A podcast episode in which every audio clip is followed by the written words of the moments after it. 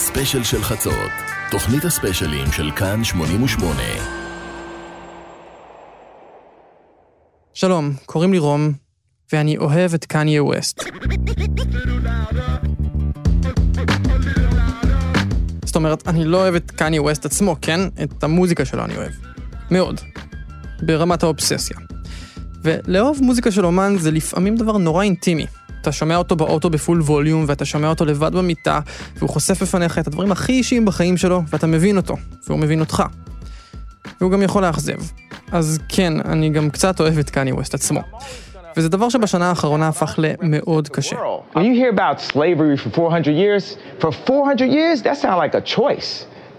like, you was there for 400 years and it's all of y'all?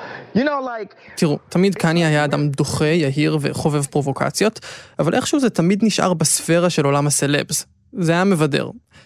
הדברים שהוא עשה בשנה האחרונה חצו את הגבול הזה. החל מהתמיכה בטראמפ, שהייתה עבור רבים בקהילה השחורה סוג של בגידה, ועד האמירה המזעזעת שהעבדות הייתה בחירה. וזה הפך קשה יותר ויותר לאהוב את קניה ווסט. המוזיקה שלו פורצת דרך, הוא אחד היוצרים הכי משפיעים בדורנו, ויחד עם זאת, אי אפשר להפריד את המוזיקה שלו מהאדם. הוא לגמרי שם את עצמו בתוכה, והיא מושפעת הרבה פעמים, באופן מודע או בלתי מודע, מהאקלים הפוליטי שמסביב. אבל המוזיקה שלו לפחות הרבה יותר חכמה ממנו, והרבה יותר מורכבת מחשבון הטוויטר שלו. ולכן בשעה הקרובה אנחנו נתעמק בה. אנחנו לא נעשה סקירה מקיפה, אלא נבחר כמה נקודות בקריירה, ודרכן ננסה להבין את קניה ווסט. או שאולי בעצם אני אנסה לנמק לכם, וגם לעצמי, למה אני עדיין אוהב אותו. אתם על ספיישל של חצות בכאן 88. אני רום אטיק, בואו נתחיל. I just wanted you to know. Swiss only let the beat rock.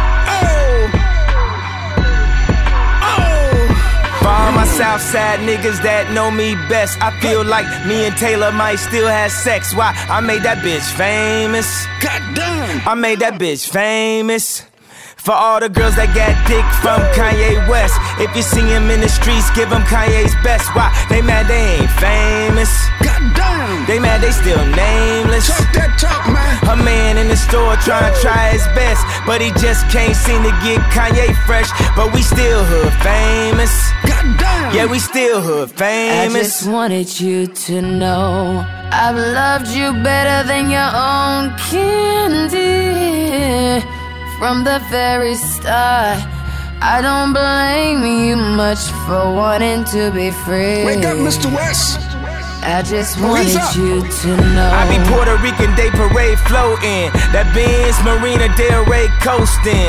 She be Puerto Rican Day Parade waving. Last month I helped her with the car payment. Young and we alive. We never gonna die. Personal debt. Put one up in the sky. The sun is in my eyes. Woke up and felt the vibe. No matter how hard they try, we never gonna die. I just wanted you to know.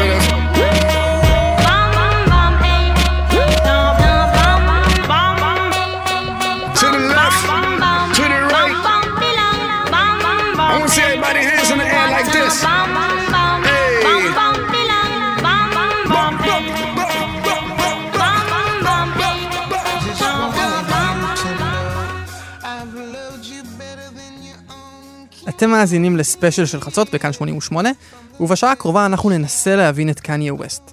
מהרגע הראשון שהוא הגיח לחיינו, אי שם בתחילת העשור הקודם, היה ברור, עוד לפני ששמענו צליל אחד שלו, שמדובר באומן שונה.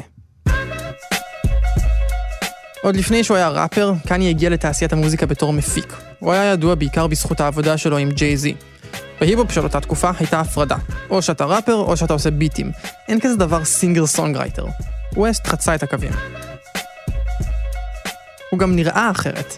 בזמן שראפרים באותה תקופה נראו כמו קריקטורה של עצמם, אתם יודעים, בגדים גדולים וזרוקים, מה שנקרא baggies, כובע הפוך, שרשרות מזהב, קניה לבש חולצת פולו ורודה ותיק גב. והיה גם את השם. מסביב לראפרים קראו אמינם, 50 סנט, ליל ויין. קניה, לעומת זאת, בחר לכתוב על הדיסקים שלו את השם שאיתו הוא נולד. הוא הביא איזשהו משהו אחר, איזשהו מבט אחר, מבט מהצד, שיכול להיות שהיה לו את המבט הזה בגלל שהוא לא הגיע מהגטו, בגלל שהוא גדל בסוג של פריבילגיה, מעמד בינוני שחור. זו נירית בן ארי. עד לפני כמה שנים היא הייתה חוקרת היפ-הופ. וגם לימדתי קורס שקראו לו תרבות ההיפ-הופ כטקסט פוליטי, שלימדתי אותו בבצלאל ובבינתחומי. וזהו, אבל אני כבר לא חוקרת את התחום, אז אתה מחזיר אותי לתקופה ההיא. היום היא מורה לאנגלית בתיכון בהרצליה, וגם זה פרט שתכף נגיע אליו. כמו הרבה אנשים אחרים, גם היא כבר פחות בקטע של קניה. פשוט לא ידעתי מה יקרה לו שנים אחר כך. אבל כשאלבום הבכורה שלו, The College Dropout, יצא ב-2004, שיר אחד תפס אותה במיוחד. Oh, Yeah.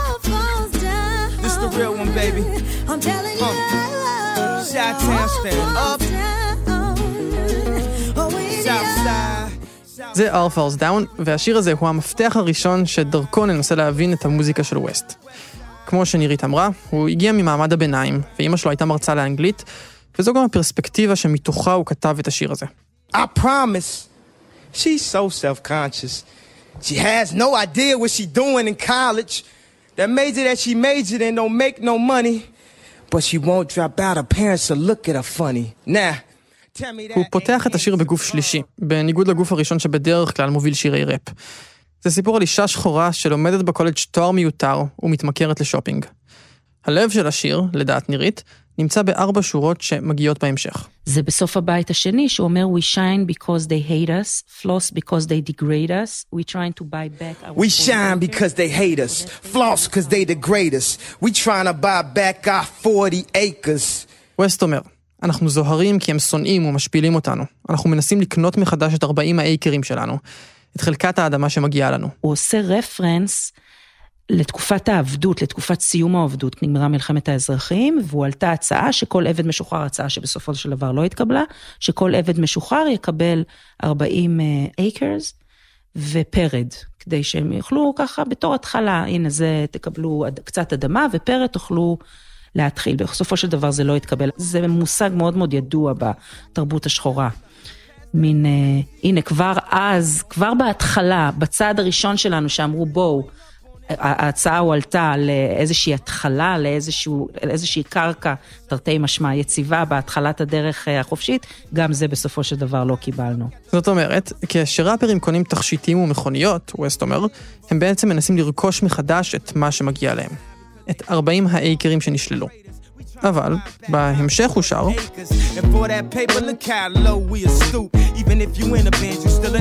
coupe.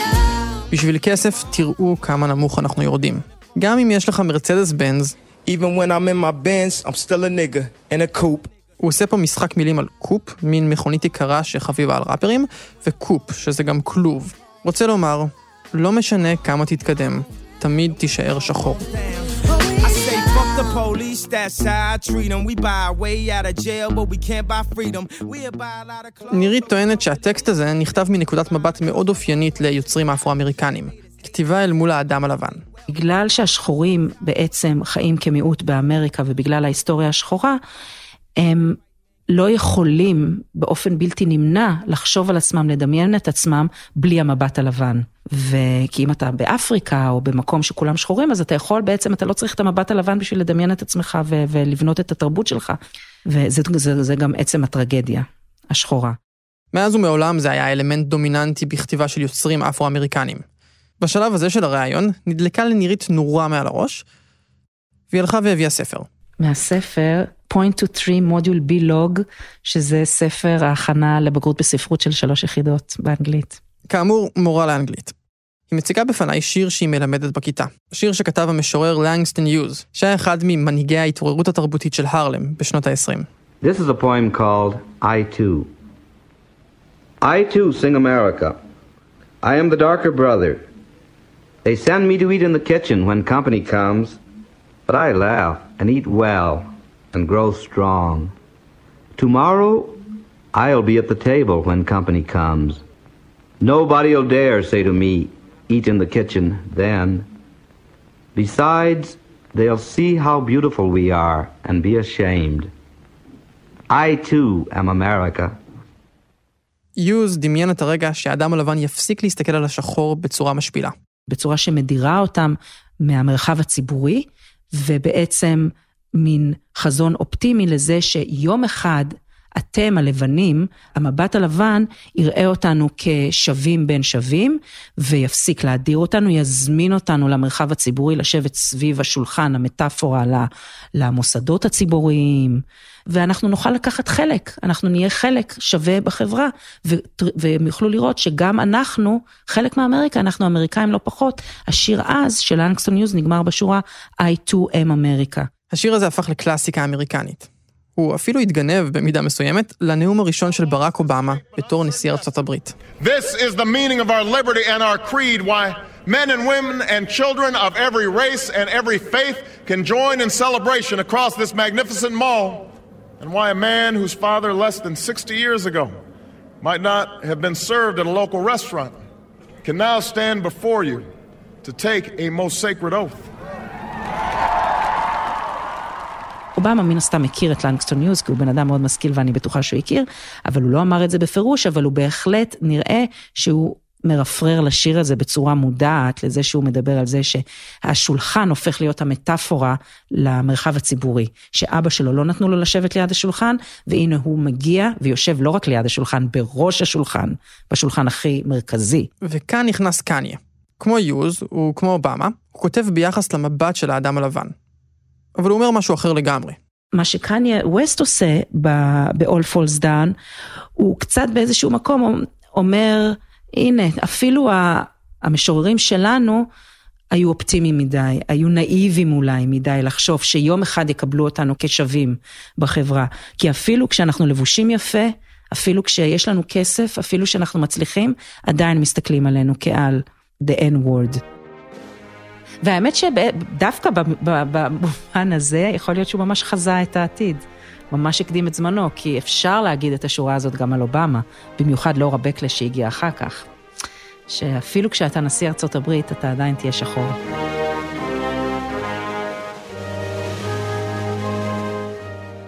זה היה ב-2004.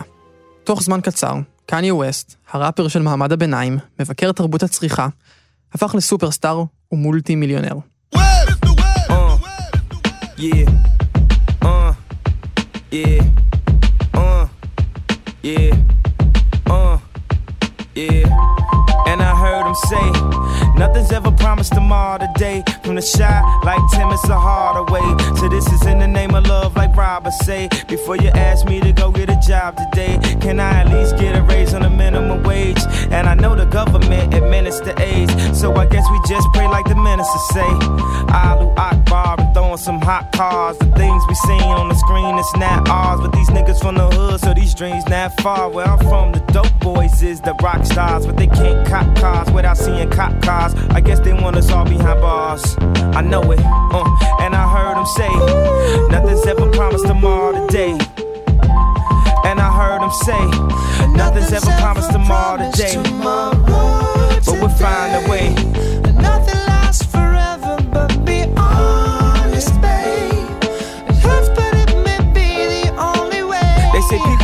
Life for seasons, and anything that happen is for a reason. And niggas gun clapping and keep the squeezing, and Graham keep praying and keep believing in Jesus. And one day that should see him, till then walk in his footsteps try to be him. The devil is alive, I feel him breathing. Claiming money is the key, so keep on dreaming. And put them lottery tickets just to tease us. My aunt Pam can't put them cigarettes down, so now my little cousin smoking them cigarettes now. His job try to claim that he too niggerish now. Is it cause his skin blacker than licorice now? I can't figure it out. It's sickening now. Uh, uh, and I heard him say, nothing's ever promised tomorrow today. Heard say, nothing's ever promised tomorrow today. But we'll find a way.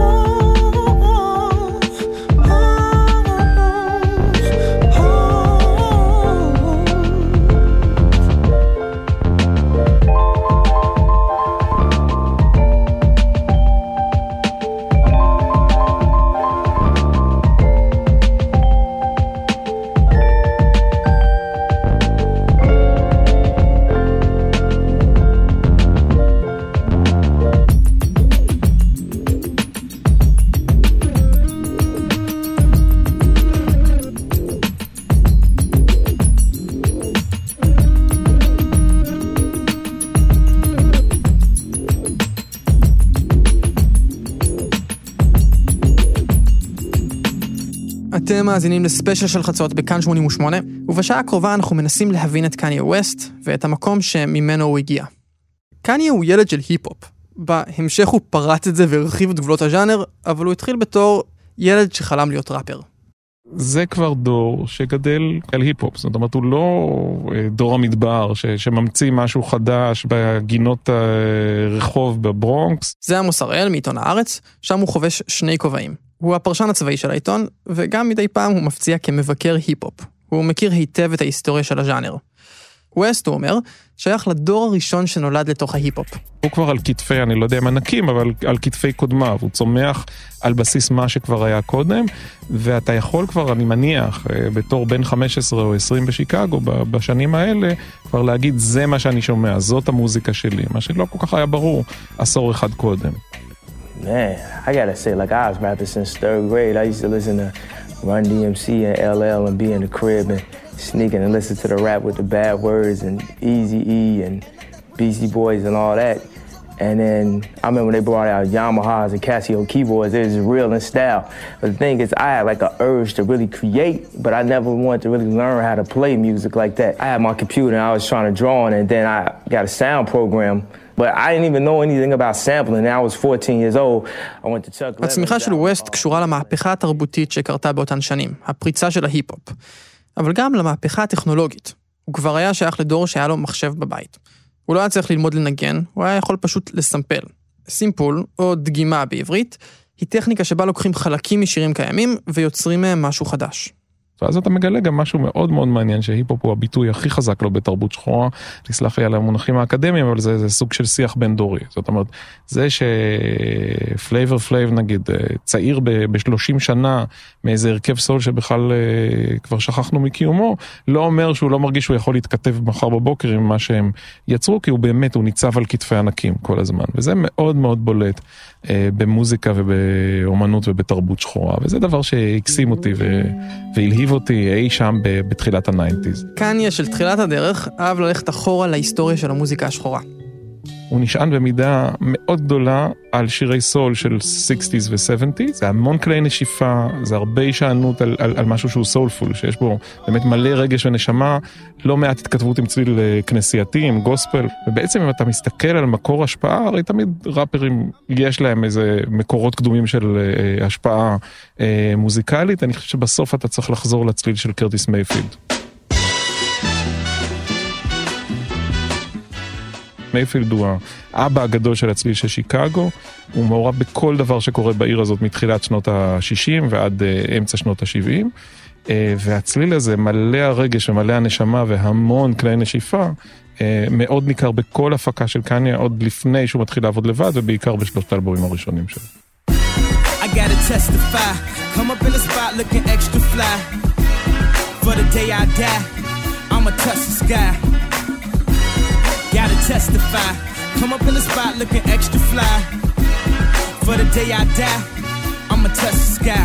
Back when they thought pink polos would hurt the King- העובדה שהיפ-הופ נשען על טכניקה כמו סימפול, מאפשרת לו להיות ז'אנר שיכול לשאוב לתוכו השפעות מסגנונות שלכאורה רחוקים ממנו שנות אור. ההשפעה הזו לא חייבת להיות מוגבלת למוזיקה שחורה, וקניה הבין בשלב מסוים שהוא יכול להרחיב את גבולות הגזרה. בראיונות מאזור שנת 2007, הוא סיפר שהוא לא מאזין להרבה היפ-הופ. הוא דיבר בעיקר על אלבום הסולו של תום יורק, סולן רדיואד, על להקת הקילרס, והוא אמר שהוא רוצה ליצור להיטים עם איכות של המנוני רוק אצטדיונים.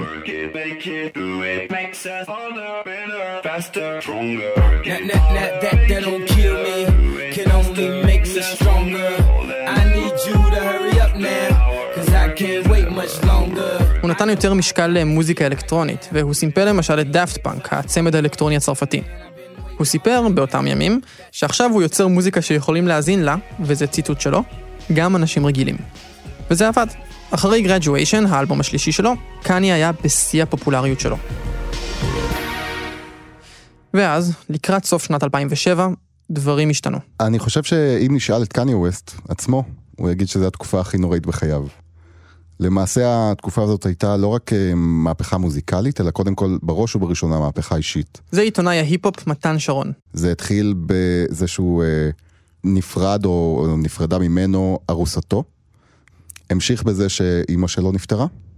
והסתיים באלבום הכי מוזר שהוא יכל אה, לבחור, האלבום הכי רגשי, שבעצם שפך החוצה את כל הסבל הגדול שהוא עבר באותה תקופה.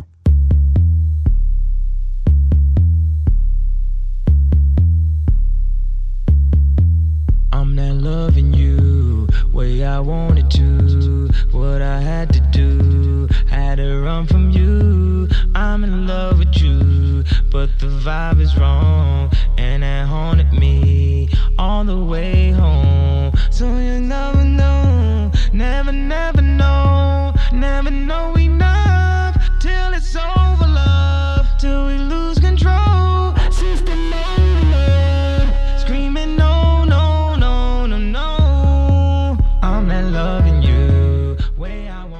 ואני זוכר את ההלם של איזה דבר מוזר פוגש את האוזניים שלי כרגע. איזה מוזר לשמוע את הראפר הכי מזוהה מבחינה ווקאלית. פתאום נשמע שונה לחלוטין. So keep your love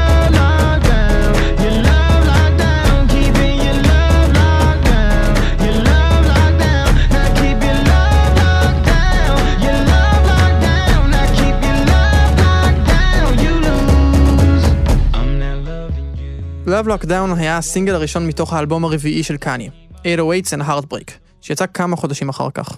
אני מאוד אהבתי אותו כשהוא יצא. היה לי אלבום מאוד מאוד כיף, אבל התאהבתי בו רק כשנפרדו ממני. זה הרגע הרי, זה האלבום הזה נועד הרי בשביל זה. Heartbreaks. ורק כשבאמת יש את התחושה הזאת של פרידה, את האובדן הזה, מתחילים באמת להבין עד כמה האלבום הזה חופר מתחת לאור. עד כמה הוא נוגע ב, ברגע שאי אפשר בהכרח להגיד במילים, וזה דבר שהיפ-הופ לא מצטיין בו המון פעמים. איזה שיר הוא מבחינתך האסנס של האלבום הזה? אני חושב ש... שהשיר הפותח של האלבום די מגדיר אותו. say you will, שיר איטי מאוד מאוד, פעימת לב, זה הקצב שלו פחות או יותר, אפילו פעימת לב איטית לקראת מוות. והוא סבלני כל כך, זה, זה שיר של 6-7 דקות, שמתוכו הייתי אומר אולי 50% מציג, רק, מציג את הווקלס של קניה ווסט, והשאר מוזיקה. והוא נותן למוזיקה לנשום, וממש יש תחושה של, אה, של משהו נושם, של...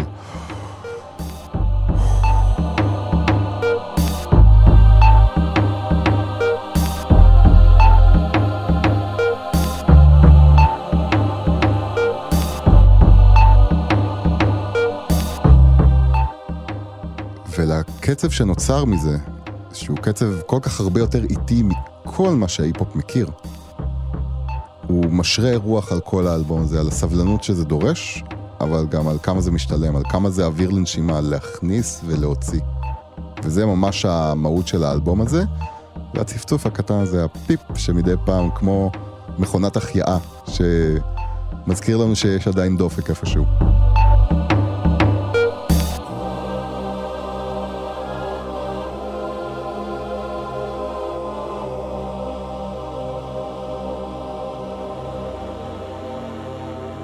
מהרגע הראשון של הקריירה שלו, קניה ביקש להיות אחר, אבל בהתחלה הוא עדיין פעל בתוך גבולות של היפ-הופ. הוא הכיר את הז'אנר היטב, הוא שילב בין כל מיני תתי סגנונות, ותמיד הגיש מוצר מלוטש. באלבום הזה הוא הביא פתאום משהו מוזר ולא שלם. לאורך האלבום הוא שר כשהוא מעוות ומסנטז את הקול שלו. ואחד הדברים שהוא נטש זה מבנה סטנדרטי לשיר ראפ. הוא לא בהכרח עושה ראפ שם, הוא שר. והפער המבני בין שיר ראפ לבין שיר אה, רגיל, נקרא לזה רוק, או כל, כל מבנה שיר פופ שאנחנו מכירים, הוא שבראפ יש מקום להרבה יותר מילים, הרבה הרבה יותר טקסט. יש 16 שורות שצריך ואפשר למלא. אמינם אומר שהוא מסתכל על ראפ כמו על פאזל. הוא מסדר קודם את החתיכות המרכזיות, המילים, ואז הוא אומר, אני אכניס בין לבין, איפה שאני יכול, עוד מילים ועוד רעיונות ועוד חרוז, והוא דוחס את זה כמה שאפשר. קניה ווסט באלבום הזה אמר, בדיוק ההפך נעשה. אני הולך לנטוש את המבנה המסורתי של שיר ראפ, ואני הולך לכתוב מעט מאוד, ואני לא הולך למצוא פאנצ'ים עכשיו, אני לא חושב שיש משהו מצחיק אחד באלבום, אבל אה, איך שהוא עשה את זה פשוט בוויתור מוחלט על כל האתוס של הראפר הליריסיסט, זה שצריך עכשיו אה, להכניס עוד ועוד ועוד ועוד אה, טקסטים ופאנצ'ים ורעיונות ורפרנסים, תדעו שאני חכם? הוא אמר לא, זה אלבום רגש. התגובות הראשונות לאלבום, לפחות בעיתונות, היו בינוניות. אבל איכשהו, במהלך השנים, הוא הפך לתבנית הטיפוסית של היפ-הופ עכשווי. מסיבה שעד היום לא, לא באמת ברורה לי, דור שלם של צעירים הבין אותו יותר טוב מכולם. היה שכבת גיל, לדעתי 20 ומטה, אולי 20 וקצת, אני הייתי באותו זמן בן 23, אז הייתי על הגבול, שפשוט התאהבה באלבום הזה ובסאונד שלו בצורה אובססיבית. אנשים שבאמת בנו את הקריירה שלהם על הסאונד הזה. ממשיכי דרכו, ש... שהתפתחו משם באמת אמנים שכולכם מכירים. אה, אם אנחנו מדברים על, קודם כל דרייק, שהוא אולי המעריץ הכי גדול של קניה ווסט, לפחות בראשית דרכו. Why do I feel so alone? Like everybody passing through the studio is in character as if he acting out a movie role. והאמת, כל ראפר שמחליט אה, להניח, להרגיע רגע להניח את המיקרופון ולשיר, ולשיר עם אוטוטיון, ולדבר על הרגשות שלו, ולדבר על כמה הוא עצוב או כמה כואב לו. כל הדור הזה של ראפרים, של הטראפ בעצם, מושפע לחלוטין מהאלבום הזה. מהאלבום הזה ספציפית.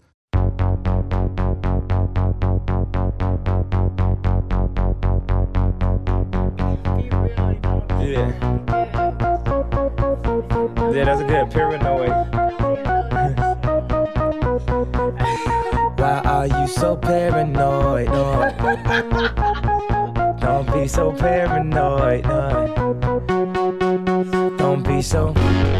Baby,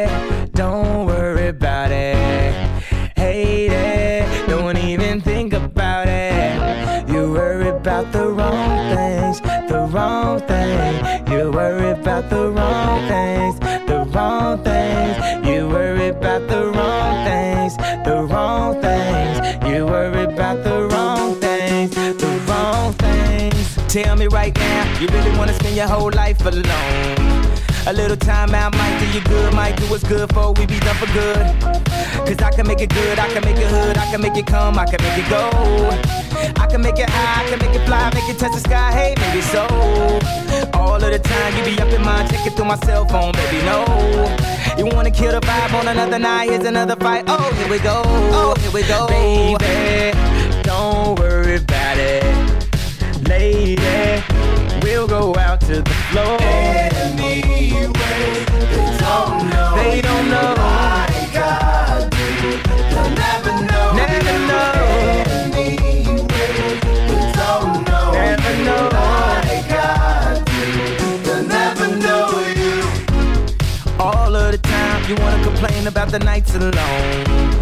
So now you're here with me, stressing gratitude, leave that attitude way back at home. Yeah, you see him look, baby, let him look, give you cold looks, cause we look cold. Yeah, you heard about all the word of mouth, don't worry about what we can't control. All the talk in the world, lost in the world, till you finally let that thing go.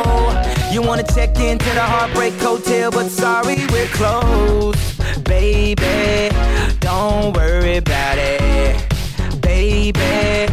We'll go out to the floor.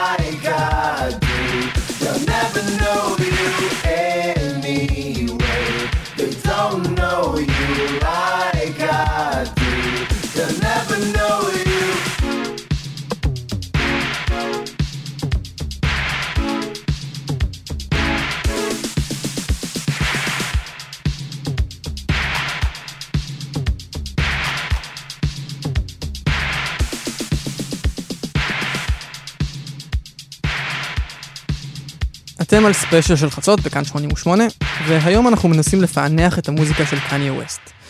שמענו את פרנואיד מתוך 808's and Heartbreak מ-2008, אלבום משונה ושנוי במחלוקת, שאיכשהו הפך בחלוף השנים לאלבום הכי משפיע של קניה עד היום. אגב, אני זוכר שכששמעתי את השירים האלה, אז באותה תקופה ברדיו, זה נשמע לי ממש סתם, אפילו מכוער. לא הבנתי את הסיפור ולא הכרתי את קניה. הגעתי אליו, כמו הרבה אנשים אחרים, רק שנתיים אחר כך, כשהוא הוציא ב-2010 את מה שנחשב ליצירת המופת שלו, אלבום שאני אף פעם לא זוכר את השם המלא שלו, My Beautiful Dark Twisted Fantasy. I'm living in that 21st century, doing something mean to it. Do it better than anybody you ever seen. Do it. Screams from the haters, got a nice ring to it. I guess every superhero need his theme music. No one ticking, I just count the hours. Stop tripping, I'm tripping off the power. לשיר הזה קוראים Power, ואני חושב שהדרך הכי טובה להיכנס אליו היא דרך הסימפול ששמענו ממש עכשיו.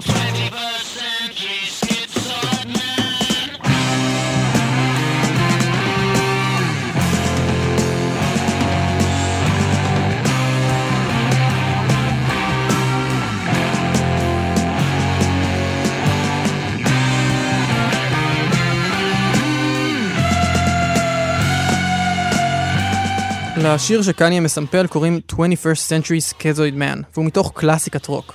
אלבום הבכורה של הרכב הרוק המתקדם, קינג קרימזון. וכדי להבין את השיר של קניה, Power מ-2010, בואו נחזור לרגע ל-1969. אנחנו תופסים רוק היום כאיזה יצירה, כן? אבל עד אז התייחסו עוד לרוק אנד רול כתרבות המונים זולה. זה תומר מולוידזון, הוא שדרן ועורך בכאן 88. רוברט פריפ, שייסד את קינג, שהוא קינג קרימזון כמעט אפשר להגיד, היה לו חזון, והוא כבר אמר, לשלב בין אה, אה, ג'ימי הנדריקס למוזיקה קלאסית. אני הולך לחבר את שתי הדברים האלה יחד. הרגע הזה שבו יצא אלבום הבכורה של קינג קרימזון, היה רגע שיא של תהליך שהתרחש לאורך שנות ה-60. תהליך של שינוי תפיסה ביחס למוזיקת רוק. Sgt. Pepper's של הביטלס ו Pet Sounds של הביץ' בויז הניחו את הבסיס לזה שגם מוזיקה פופולרית יכולה להיות אומנות. אבל קינג קרימזון לקחו את זה צעד קדימה. הם תפסו את היצירה שלהם כאומנות גבוהה. אבל האלבום המכונן, הרגע החשוב שנחשב לקו פרשת המים, זה In the Court of the Crimson King של קינג קרימזון.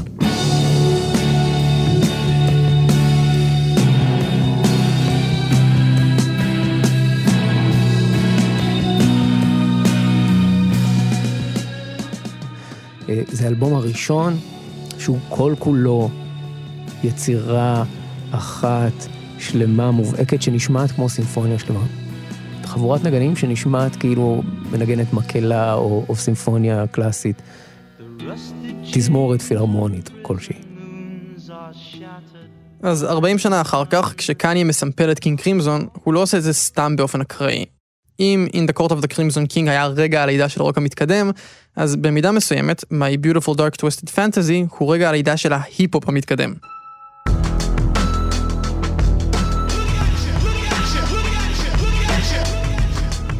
אלבום אפי מורכב מבחינה מוזיקלית ותמטית, אלבום שמדבר על בדידות והצלחה וגזענות ושיגעון.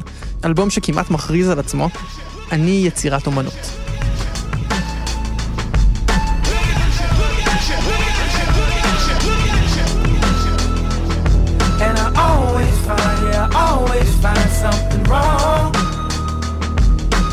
Putting up with my shit just way too long. So gifted at finding what I don't like the most. זה היה רגע של התקבלות עבור קניה. האלבום הזה הפך ללהיט ענק, ועכשיו לא רק הוא כינה את עצמו גאון, גם הביקורת עשתה את זה. הסימפול של קינג קרימזון כאילו סימן להם, היי, אני יותר מרק היפ-הופ, אני אחד משלכם. וכשצוללים לתוך השיר, זה הופך ליותר מורכב. In the Court of the Crimson King, שיצא כאמור בסוף שנות ה-60, התאים עם כל האווירה הקודרת שלו לתקופה שבה הוא נוצר. וייטנאם מתחילה להגיע לשיא, הסמים עוברים מ-LSD לסמים קשים, הרואין וקוקאין, והחיים נהיו קשים, כאילו מרטין לותר קינג נרצח ב-68, רוברט קנדי נרצח ב-68, צ'ארלס מנסון, אה, תמונות מהטבח במיילי, זאת אומרת, עד אז החלום האיפי הוא לחזור לקהילה, ולעסוק ב, במה אני תורם לקהילה. מה שנשאר מזה עד היום זה מה אני. זאת אומרת, הקהילה כבר ירדה, וזו התחלה של זה, והאדם במרכז, והניכור שלו, והכדרות שלו, והקשיים שלו, האדם המודרני. וזה גם שם באלבום הזה, כבר בעטיפה שלו. הפאניקה הזו, בפנים של הדמות הזו, זה כבר שם, הכל שם. קינג קרימזון מדברים על מה שהמלחמות הציניות של הפוליטיקאים יחוללו לאדם של המאה ה-21. הוא יהיה סכיזואידי, אדם קר ומנוכר שחי בעולם פנטזיות משלו. ובשיר Power, קניה מכריז, אני האדם הסכיזואידי. השיר אולי מתחיל בהתרברבות שאופיינית לשירי ראפ, אבל מהר מאוד הוא לוקח את זה למקום קיצוני, שבו הדובר, קניה עצמו, מאבד את זה. הוא בתוך טריפ שנגמר, ובכן, בלקיחת חייו.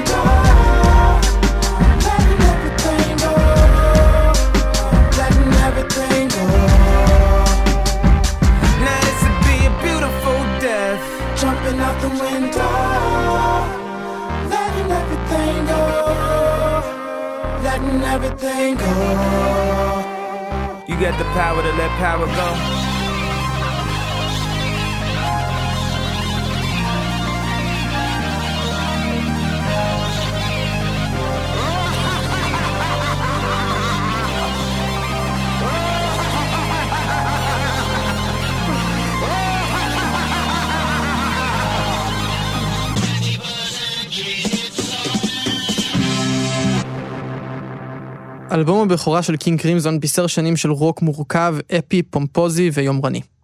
התגובה הגיעה באמצע שנות ה-70 עם לידתו של הפאנק, ז'אנר שביקש להחזיר את הרוק לצורה הגולמית והבלתי מרוסנת שלו. וזה קרה גם להיפ-הופ, רק שמי שביקש לחסל את קניה ווסט היה קניה ווסט עצמו. showed, I showed people that I understand how to make perfect. You know, dark fantasy could be considered to be perfect. You know, Yeah. I say I know how to make perfect, but that's not what I'm here to Yeah. do. I'm here to crack and crack the pavement and make new grounds. You know, sonically and and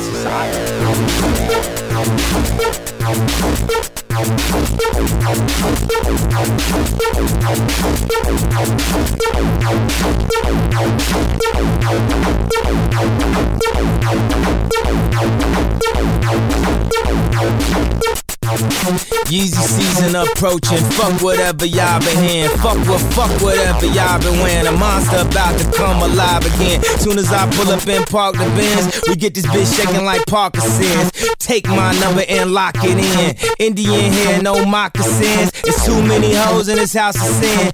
Real nigga back in the house again. Black Tim's all on your couch again. Black dick all in your spouse again. And I know she like chocolate man. She got more niggas off than Huh? On sight.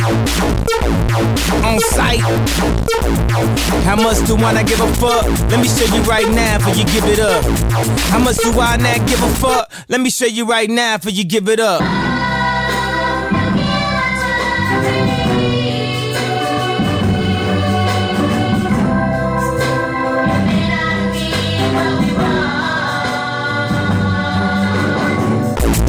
Baby girl try and get a nut, and a girl try and give it up. Chop them both down. Don't judge them, Joe Brown. One last announcement. No sports ball, let's keep it bouncing. Everybody wanna live at the top of the mountain. Took her to the blues to try to sip the fountain. That's when David Gutman kicked the out, but I got her back in and put my dick in her mouth. On sight. On sight.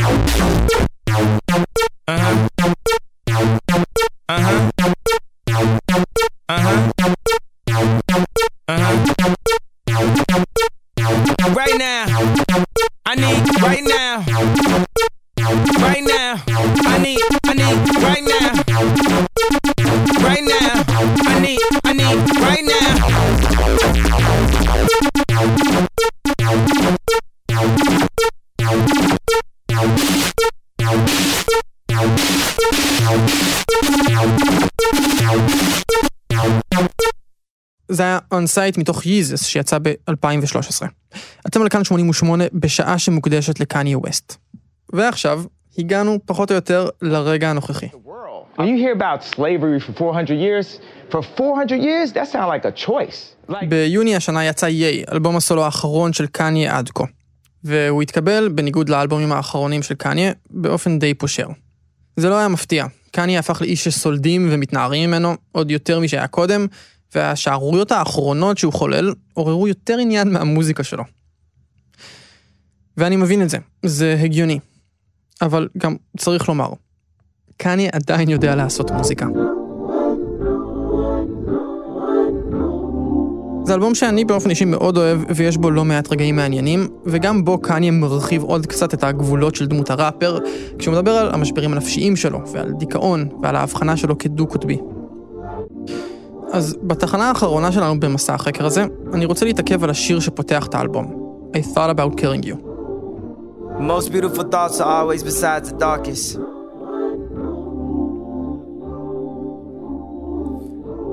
Today I seriously thought about killing you. I contemplated. Premeditated murder. מעניין להשוות אותו לתחנה הראשונה שלנו, All Falls Down מ-2004, ולשאול מה השתנה ב-14 השנים שחלפו. אז ל-All Falls Down יש מבנה רגיל של שיר ראפ, בית, פזמון, בית, פזמון. ב-I thought about killing you, קניה נמצא אחרי שהוא כבר פרם לחלוטין את המבנה הזה. זה שיר שיש בו שלושה חלקים, מעין קטע spoken word, קטע שבו קניה מרפרפ ללא ביט, והקטע האחרון שכאילו הגיע משיר אחר לגמרי. בקיצור, בלגן מוזיקלי שאיכשהו מרגיש הגיוני. ב-All Falls Down, קניה הביט על החברה שסביבו, על תרבות הצריכה של מעמד הביניים השחור. ב-I thought about killing you, הוא מביט בעיקר על עצמו, על מה שקורה בתוככי המוח שלו, על המחשבות האפלות שלו. השיר הזה מתרחש כולו בתוך הראש של קניה. ועדיין, המציאות הפוליטית מוצאת דרכה פנימה. People say, don't say this, don't say that. Just say out loud, just see how it feels. Weigh all the options. Nothing's off the table. Today I thought about killing you. Premeditated murder. I think about killing myself, and I, I love myself way more than I love you. בעידן שבו נשיא ארצות הברית עולה לגדולה כי הוא אומר בדיוק מה שבראש שלו באופן בלתי מתווך, קניה מביט על כל מה שקורה מסביב, ואומר, היי, זה בעצם מה שאני עשיתי כל הזמן. Premeditated murder. Called up my loved ones. I called up my cousins. I called up the Muslims. Said I'm about to go dumb. Get so bright it's no sun. Get so loud I hear none. Scream so loud got no lungs. Hurt so bad I go numb. Time to bring in the drums. That put her up, up, pum. Set a new tone on them. Set the nuke off on them. I need coke with no rum. I taste coke on her tongue. I don't joke with no one. They'll say he died so young. I done had a bad case of too many bad days. Got too many bad traits. Use the floor for ashtrays. I don't do shit halfway. I'ma clear the cachet. I'ma make my name last. Put that on my last name. It's a different type of rules that we obey. Yeah, yeah, yeah. Season, nigga, we obey. We was all born to die, nigga. DOA. Niggas say they hero. Mm, I don't see no cape. Mm, I don't see no. Mm, yeah, I don't see no. Mm, mm. If I wasn't shining so hard, wouldn't be no shade. Weed ass nigga, it's gonna be okay.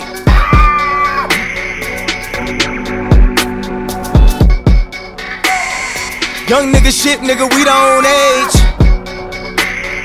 I thought I was past my Debo ways. Even when I went broke, I ain't break.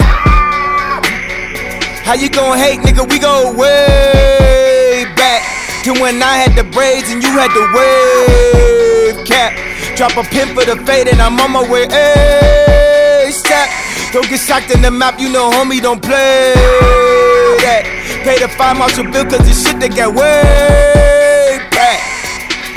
They wanna see me go, hey, hey, hey. All you gotta do is speak on yay. All you gotta do is speak on yay. זה היה I thought about killing you מהאלבום האחרון של קניה.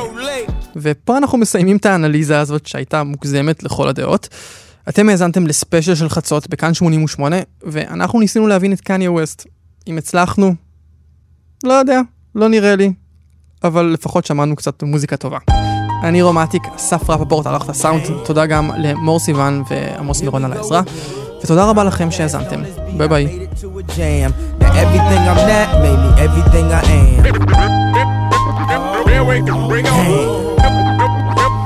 Here we go again. People talking shit, but when the shit hit the fan, everything I'm not made me everything I am. I never be picture perfect Beyonce. Be light as Al, be your black ass Chauncey. Remember him from Black Street, he was black as the street was. I never be laid back as this beat was. I never could see why people are reach a fake ass facade that they couldn't keep up. You see how I creeped up? You see how I played a big role in Chicago like Queen Latifah? I never rock a mink coat in the wintertime like Killer Cam or rock some mink boots in the summertime like Will I Am. Let me know if you feel it, man. Cause everything I'm not made me everything I am. Damn. Here we go again. Everybody saying what's not for him. But everything I'm not made me everything I am.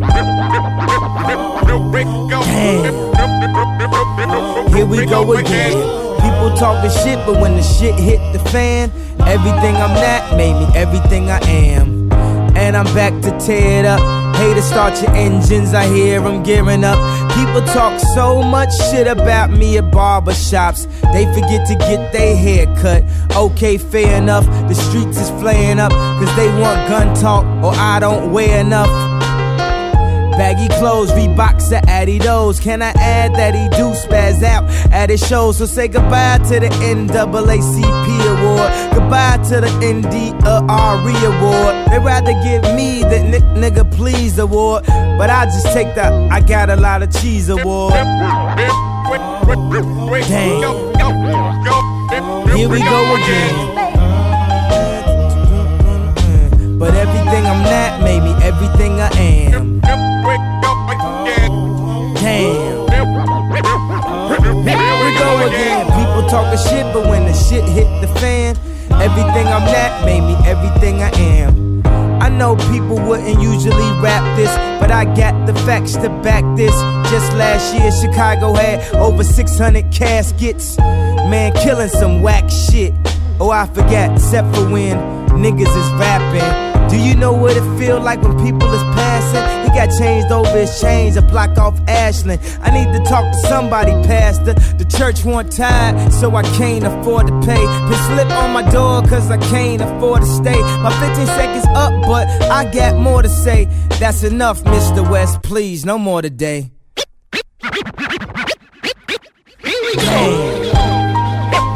Here we go again.